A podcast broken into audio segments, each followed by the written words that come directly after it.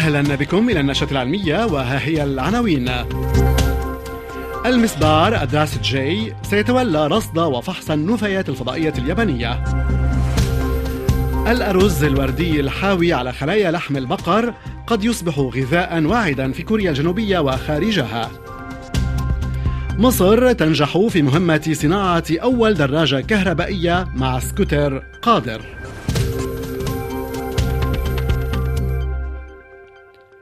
يتواجد في المدار تقريبا مليون قطعة من حطام الأقمار الاصطناعية أو الصواريخ التي يفوق قياسها سنتيمترا واحدا ويكفي أن يعطل حجمها ديمومة العمل في المركبات الفضائية. سبق وأن طرحت حلول عدة لتنظيف الفضاء. أحدها استخدام شعاع الليزر لدفع الحطام نحو مدار جديد حيث تتولى أداة خاصة جمع الحطام بواسطة الجذب المغناطيسي. إلا أن فكرة تنظيف الفضاء وفق طريقة فعالة وأنسب من سواها لم تتبلور بعد.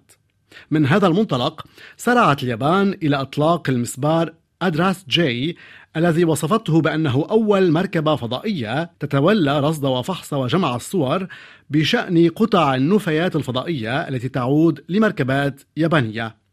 المسبار أدراس جي الذي طورته الشركة اليابانية الخاصة أستروسكيل سيعمل تحديدا على تقييم حالة الطبقة العليا من الصاروخ H2A الذي هو بحجم حافلة تطفو في الفضاء منذ 15 عاما.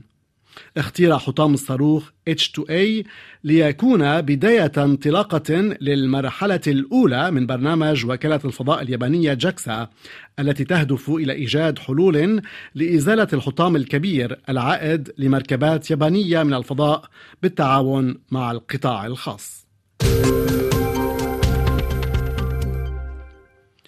كمشاريع غريبة الأطوار لاستبدال اللحوم وتحقيق تقدم في مجال التغير المناخي يعتزم باحثون من جامعة يونسي في سيول جنوب كوريا تحسين جودة نوع جديد من الأرز قبل بيعه في الأسواق.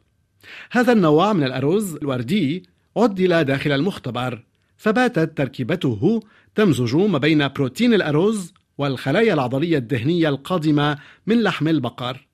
وفق الباحثين في كوريا الجنوبية من المحتمل أن يصبح هذا النوع من الأرز الوردي بديلا للحوم أرخص وأكثر استدامة من الناحية البيئية مع تمتعه ببصمة كربونية أدنى بكثير من اللحوم وتربية المواشي التي تتسبب في انبعاث مصادر كبيرة من غازات الدفيئة.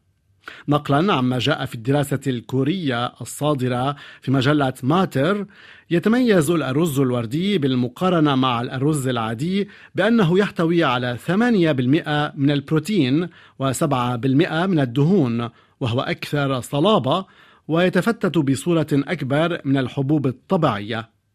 إن الباحثين في جنوب كوريا يعولون أهمية كبرى على الأرز الوردي الذي قد يساهم في حل الأزمات الغذائية والمجاعة في العالم ويتوقعون أن يبلغ سعر الكيلو من هذا الأرز نحو دولارين ونصف الدولار تقريبا بينما يصل سعر كيلو لحم البقر إلى 15 دولارا.